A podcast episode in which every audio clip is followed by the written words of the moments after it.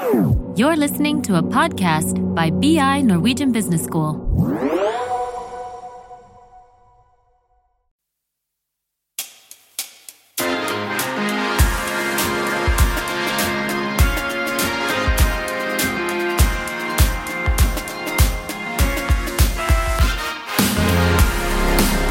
Kommentarfeltet har gitt alle en mulighet til å ha en stemme. Men bør alle slippe til? Tidligere generasjoner vokste opp med filtrert informasjon fra media. Mens dagens generasjoner får verdens usensurerte kaos direkte på telefonen gjennom de ulike sosiale medieplattformene. Og mer enn noen gang kan vi kommentere og ytre våre meninger i kommentarfeltet. I praksis er alle sin egen redaktør. I dagens episode skal vi snakke om det som er bra, men også hva som er problematisk med at alle kan ytre seg i kommentarfeltene. For å snakke om det har vi med oss Tor Bang fra BIs Institutt og kommunikasjon og kultur. Han underviser bl.a. i faget digital makt og avmakt og strategisk kommunikasjon. I tillegg har vi med oss Gunnar Stavrum, som er redaktør i Nettavisen og samfunnsdebattant. Og eh, som har sett mange stygge kommentarer i kommentarfeltene opp igjennom. Tor, du har skrevet boken 'Perspektiver på kommunikasjonsmakt', som handler mye om ytringsfrihet. Og Gjennom historien så har vi jo kjempa beinhardt for ytringsfrihet og muligheten til å ytre oss. Hva gjør at uh, ytringsfrihet er like relevant og viktig i dag? Det er um, veldig relevant. Um, fordi det er en helt grunnleggende del av det å være menneske. Um, vi er født til ytringsfrihet. Både en filosofisk og en politisk Hva skal jeg si et, dogme. Et, øh, øh, og vi må illustrere det med et moteksempel. Uh, for å forstå hvor viktig ytringsfriheten er, så må vi forstå hva som skjer i samfunn der det ikke er ytringsfrihet. Ytringsfrihetslovgivningen i Europa uh, ble aktualisert etter annen verdenskrig da Europa lå i ruiner. Da fikk vi De forente nasjoner som fastslo at ytringsfrihet er den grunnleggende menneskerett. Det ble gjentatt av den europeiske menneskerettighetskonvensjonen og fastslått eh, igjen i 2004 av det norske Stortinget, som vedtok mot en stemme en ny ytringsfrihetsparagraf, paragraf 100, der det står at ytringsfriheten tilhører alle. Og Den er viktig og den er viktig for å forstå samfunnet vi lever i, den er viktig for å forstå eh, demokratiet, den er viktig for at vi skal ha sannhet. Så det er på en måte ingen gode argumenter, syns jeg, for å begrense ytringsfriheten. Eh, men det har gått ifra å være kanskje en ytringsfrihetsfantast til å bli noe mer pragmatisk. Og Hva er grunnen til det, egentlig? Det, det er vel det vi skal diskutere i dag, om, om um, kommentarfelt bl.a., krenkende ytringer. Jeg syns det enkle og korte svaret på bør alle slippe til, er ja. Eh, og så er det noen kvalifiserende unntak, tror jeg. Men jeg vet ikke hvem som skal sensurere det. Det vet jeg ikke. Kanskje Gunnar vet det. Altså, for det første er det viktig å rydde opp eh, et begrep. Sånn ytringsfrihet betyr retten til å ytre seg. Det betyr ikke retten til å bli hørt. Det, heller, det betyr heller ikke plikten til å trykke andres ytringer. Sant? Grunnen til at vi har redaktørstyrte medier, det er, jo, det er at vi har en redaksjon og redaktør som velger hva som skal publiseres og ikke publiseres. Og Det gjelder også i Nettavisen. Eh, vi har artikkelkommentarer, men det er ikke en, en åpenhet for hvem som helst til å skrive hva som helst om hva som helst. Eh, og det som kanskje er et kjerneproblem, det er at en god del ytringer er innafor det lovlige. Det, det, er få som vil, vil forsvare retten til, å, til ulovligheter. Men det, det er innafor det lovlige, men det er fortsatt usaklig, avsporende, usant. Altså Det er mange andre problemer med ytringsfrihet enn, enn at det direkte er ulovlig? Ja, for eh, mediebildet har jo også endret seg enormt de siste ti årene. Og det er jo et mylder av kanaler der ute nå, og hvem som helst kan egentlig ytre seg i sosiale medier. Hvordan eh, endres maktstrukturen i samfunnet, egentlig? Altså, da må vi, hvis vi går litt tilbake, da, ser hvordan var maktstrukturen før vi hadde ytringsfrihet i det hele tatt. Sant? Gå tilbake til, Hvis du går noen hundre år tilbake, hvor det var bare de som eide som hadde rett til å stemme. og Eh, det ikke var en offentlig debatt, og det var ikke liksom noe public opinion.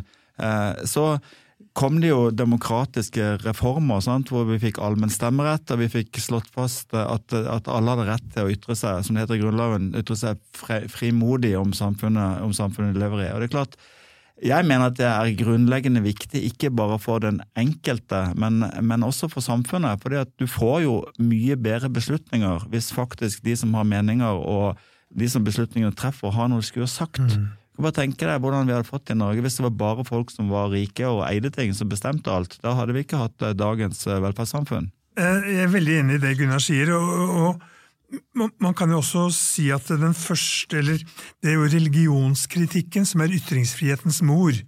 Altså For den var jo så absolutt. altså Man kunne ikke krenke Gud. Og, og, og all argumentasjon for ytringsfrihet på en måte stranda på det faktum at, det, at, religion skulle være ukrenkelig. Men så har det gått seg til med museskritt, og, og, nå nyter vi den ytringsfriheten vi har i dag. Vi tar den litt for gitt, kanskje, eh, men rommet for ytringer er jo drastisk utvida. Eh, den tyske filosofen Habermas, som du sikkert kjenner til, og mange kjenner til, eh, hadde jo veldig store forhåpninger til internett, at det skulle være virkeliggjøringen av en menige personers ytringsfrihet.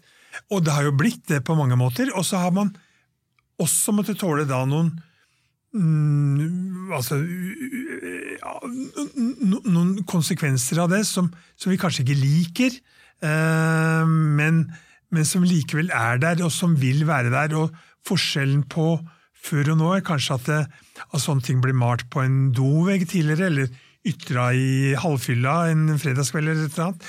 Nå har vi det svart på hvitt på i digitale medier. Um, så intet er vel egentlig nytt under solen, tror jeg. I Norge er vi også veldig heldige som får lov til å ytre våre uh, meninger så, så, fritt som vi gjør. Også, også på nett, i hvert fall sammenligna med andre land. Så tross alt for det her, er det viktig at Norge har fokus på ytringsfrihet i mediebildet? Helt klart. og det er jo sånn... Uh det er ingen samfunn som har eh, total ytringsfrihet. Heller ikke Norge har total ytringsfrihet. Det er en rekke ting du ikke kan ytre deg om i Norge, og det er mange ting du eh, kan ha lov til å ytre deg om, men hvor, hvor reaksjonene blir så sterke at folk driver selvsensur. Eh, det jeg er mest bekymra for når det gjelder ytringsfrihet, det er egentlig ikke at noen blir krenka og at det skjer overgrep i på en måte artikkel artikkelfelt eller kommentarfelt på, på, Facebook, men det er det vi ser i totalitære regimer i dag. Altså, Hvis du går over gata på rødt lys i Kina, så har de ansiktsgjenkjenning som gir deg sosial skåringspoeng. Prøver du å ytre noe som er kritisk til regimet, så kan du bli nekta å reise, nekta å fly. Så liksom, Internetts mulighet til å overvåke folk, det er jeg mye mer bekymra for enn at ytringsfriheten også har negative sider. Ja, det kommer i kommentarfeltet. Eller ja, altså Jeg får jo som redaktør daglig titalls mailer som forteller meg eh, hvilken idiot det er, og at det helst bør stilles for retten og skytes. Og Det kan være alt fra at vi har vært eh, opptatt av klimaforandringer, til at vi syns det er fornuftig at folk vaksinerer seg mot, eh, mot covid-19. Og da, da forberedte de riksrettssaker og skal skyte oss og Stortinget. tenker jeg, jeg husker jeg en journalist i Arendal fortalte at han hadde fått en drapstrussel fra en, fra en lokal eh, narkotikatype som skulle ta han. Så sa han, da, vedtok, da ringte han og sa kan vi ikke møtes ute på stasjonen. For jeg visste jo at han ikke hadde tenkt å drepe meg. Det, jo, de, det, jo, det jo, finnes jo ikke mange eksempler på at folk faktisk dreper deg. Det, jeg skal drepe deg, jeg liker Jeg er utrolig uenig med det du skrev der. Ja, men eh, Vil du påstå da med det du sier at ytringsfriheten egentlig er under press? Ja, absolutt. Men den er under press på, på områder som vi kanskje ikke tenker på. Um, ta den debatten som har vært uh, i det siste året da, rundt, liksom, rundt krenkelser uh, mot, uh, mot, minoriteter. Ta, ta, debatten i USA med liksom Black Lives Matter og woke og cancel culture, og kanskje Kanskje det verste tenker jeg, er liksom humor. Altså for, Noe som bare rett og slett er morsomt, men som noen kan ta ille opp. Eh, det, det kan føre til at komikere liksom nektes å være der. Jeg var på Disney pluss for å se om igjen uh, Muppet Show. De som er veldig veldig gamle, kan huske det moroprogram på TV.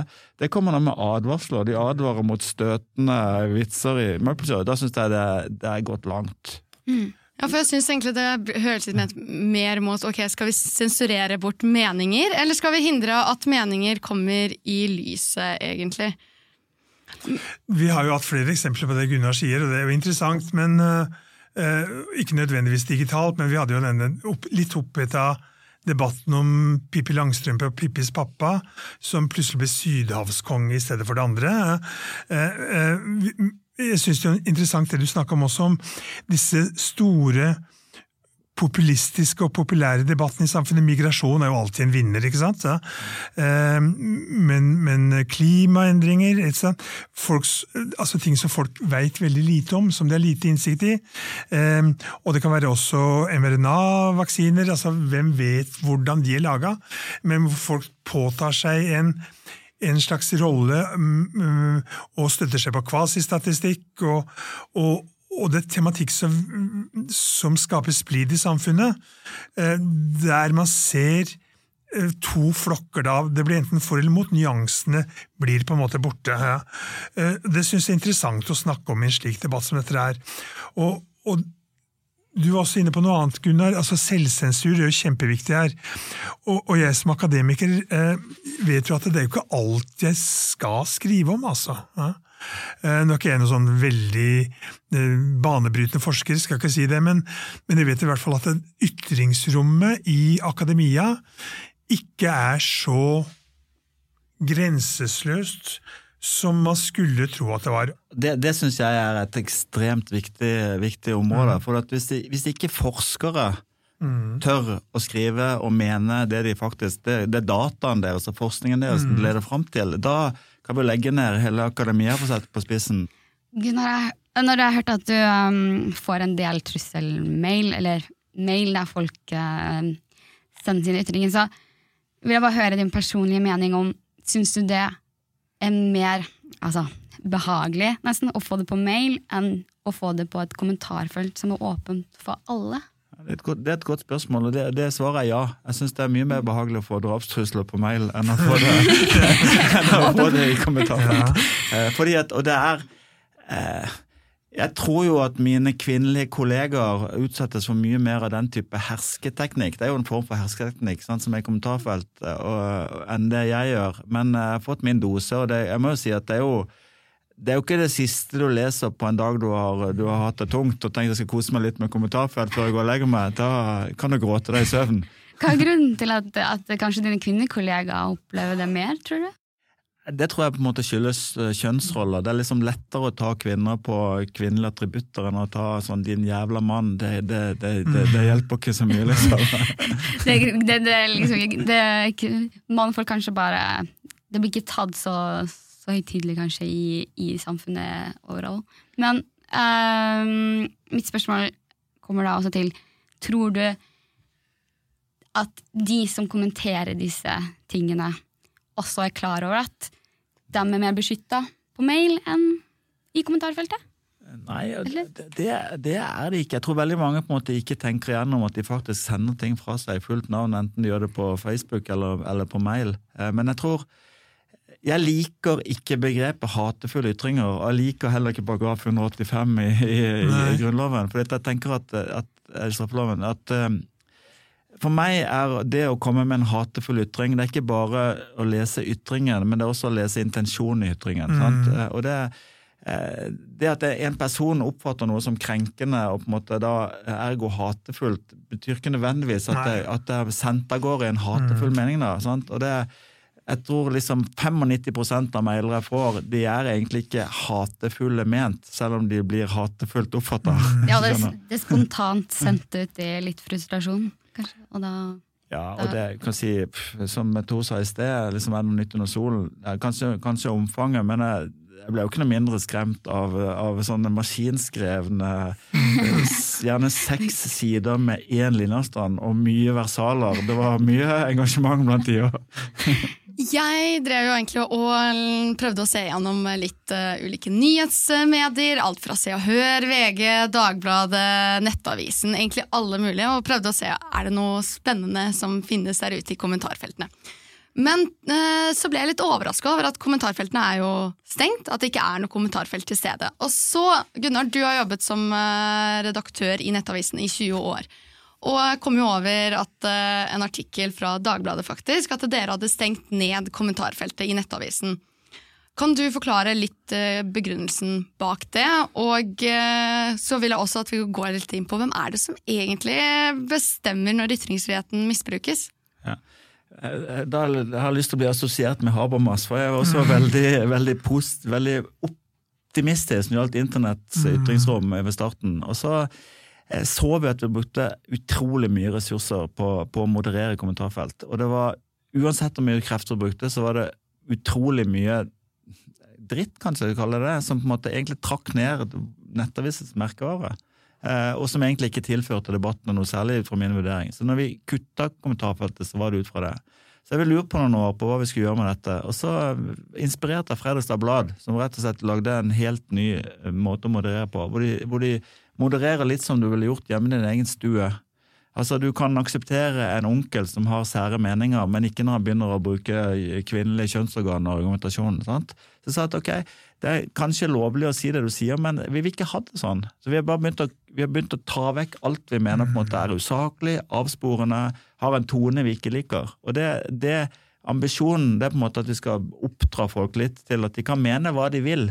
Det er helt greit for meg at de argumenterer for hvorfor de mener eh, covid-vaksinene har bivirkninger, men de trenger ikke å, å bruke den valøren på ting som, eh, som de er litt vant til.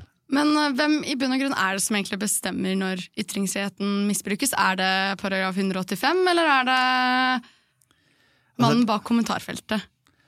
Jeg tenker vel er- det, det er jo et, et stort spørsmål, så du kan, en måte, du kan velge enten å se det veldig snevert. Altså, eh, norsk lovgivning begrenser jo en del ytringer, sant? og du kan straffes på noen ytringer. Eh, så er det jo i neste omgang redaktører som bestemmer hva skal publiseres og ikke publiseres i organer. Men så har du på en måte de, eh, de sosiale plattformene som, opptre, som opptrer uten redaktører. Så Facebook har ikke noen redaktør. Jeg, blir litt gal av at eh, vi deler ting på Facebook, og så skal jeg rydde opp dritten fra Facebook. Det kan de jaggu gjøre sjøl, men det gjør de ikke. Eh, og så har det til slutt alle oss andre. Hvis det er kommentarer vi ikke aksepterer, eh, så får vi jo si fra.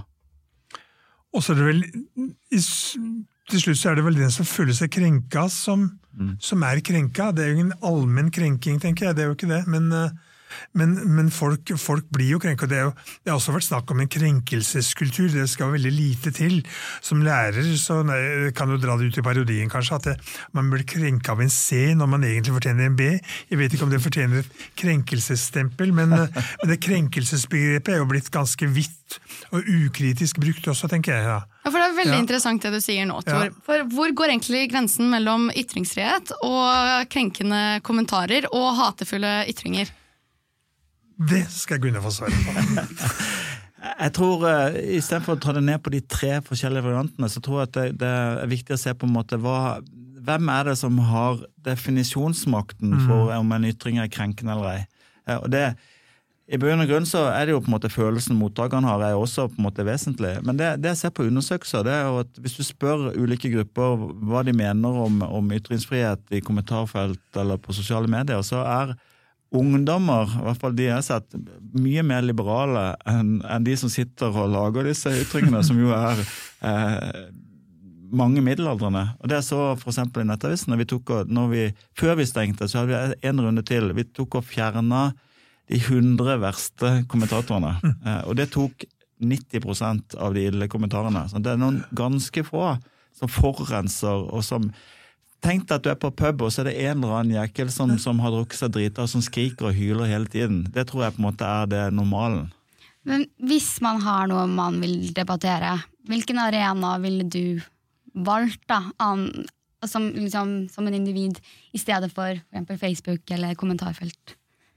Nei, altså hvis de, eh, Det er klart at hvis ikke du har eh, Hvis ikke du er redaktør, så må du jo bruke, bruke steder hvor det er åpent å kommentere. Jeg vil jo ikke si at det er dumt å bruke artikkelkommentarer eller, eller Facebook, men jeg syns det er greit å være litt sånn Utøve litt sånn nabokjerring, digital nabokjerring, og si ifra. Og kanskje aller mest. Du blir så mange ganger stående alene. Bare det å jump in og sørge for at, at, støyen fordeler seg på flere, har veldig stor betydning. Det er veldig veldig deilig når du står der i stormen at du faktisk får hjelp av noen som er lynavledere. At den gaven, hvis vi kan snakke om en gave, som digitale medier er, og disse plattformene er, og, og hele det digitale universet, det økosystemet av digitalitet og digitale ytringer, den gaven det er for menneskeheten, må jo være det vi har. Eh, og, og vi må lære oss som mennesker å leve med dette her. Og jeg tenker at det, eh, tross alt så er det vi diskuterer her, ganske lite. Eh, altså Fordelene med digitale medier er uendelig mye større enn ulempene. og så tror jeg at vi kan jo prøve å leve digitalt løst. Er det noe som heter det? Et adjektiv som heter digitalt løst. Eh, hvis vi skal være påskefelle eller et eller annet. Vi, vi, ser hvordan det er hvis, hvis uh, nettet faller ut. Det er ikke noe stas. Ja. Uh, jeg, jeg, tror at, at uh, vi må tåle litt sånn også. fordi fordelene med digital kommunikasjon er så enorme. Hadde Galileo Galilei levd i dag, så hadde vi hadde ikke visst at ikke jorda var, var universets midtpunkt. sånn at det er også til og med innafor det vi kaller falske nyheter. Vi skal være bevisst på at, at, at det har skjedd utrolig mange ganger i historien at det vi er sikre på er sant, ikke er sant eh, når vi kikker nærmere ja. på det. Ja. Gunnar, du nevnte jo tidligere at um, dere som redaktører og journalister kan regulere litt uh, hva som blir sagt og ikke sagt. Um, så hva kan vi egentlig lære av dere når det gjelder ytringsfrihet? Kanskje at uh, som Kåre Valbrok, min gamle sjef i Dagens Næringsliv, sa uh, 'publish and be damned'. Altså det, er, det er viktig faktisk å tåle at ytringsfriheten har så store fordeler at vi lett må tolerere at det også har noen ulemper. Mm. Vi har jo snakka veldig mye om utfordringer rundt ytringsfrihet i kommentarfeltene og generelt rundt ytringsfrihet. Og ofte så har jeg selv opplevd at eh, man er egentlig litt redd for å ytre seg i kommentarfelt. Egentlig i frykt for å bli stående alene, som du mm, nevnte. Ja, ja. Tor, men kan ikke vi prøve å se på løsninger på, rundt ytringsfrihet i kommentarfeltet? Hvordan kan vi lette litt på sløret for at uh, man skal fortsatt ha den gode ytringsfriheten, men samtidig en god kultur uh, i, rundt det. Dette er vel sånn 10 000 kroner spørsmålet, tror jeg. Det, det, det, er ikke, det, er jo ikke, lett å besvare, det er ikke det. Um, uh, som du sier, altså det, er vanskelig å stå alene i et kommentarfelt, og det er lett å tute med de ulvene man, man er med. Og jeg har ikke noe, noe fasitsvar på det i det hele tatt. Jeg tror også liksom ikke ikke oppsøkt kommentarfelt for å lete etter kritiske ytringer om det selv. Eh, vi pleier ofte å si i media at liksom, enten så går det bra, eller så går det over. Og veldig ofte så har du tendens til at du overdriver hvor mange det er som er opptatt av dette. Altså, som regel så er det meste glemt i morgen. Altså liksom, ta det litt med lave skuldre også så er det egentlig fritt vilt for å ytre seg i kommentarfeltet? Ikke hos oss, da skal du være høflig. Ja, som, som jeg sa innledningsvis, så jeg har gått for å være sånn ytringsfrihet-fundamentalist til å bli mer pragmatisk, men jeg ser jo ytringsfriheten ennå som et absolutt gode. Helt klart, det er ingen tvil. Og, og sammen med digital kommunikasjon, digitale plattformer. Et absolutt gode. Mm.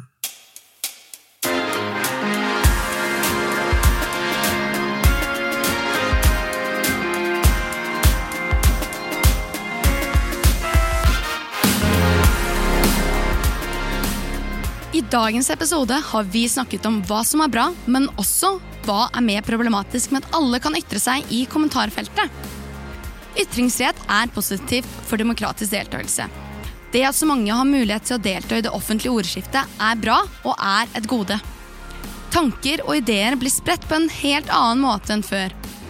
Og til tross for at det er negative ting med at flere kan ytre seg i kommentarfeltet, har flere mediehus valgt å holde kommentarfeltene åpne. Vi vet at vi uansett aldri kommer til å ha en krenkeløs verden.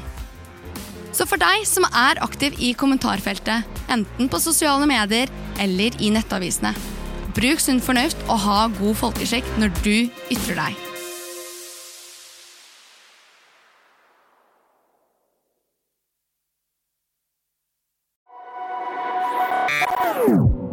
This is a BI production. Listen to more podcasts. Go to bi.no slash podcasts.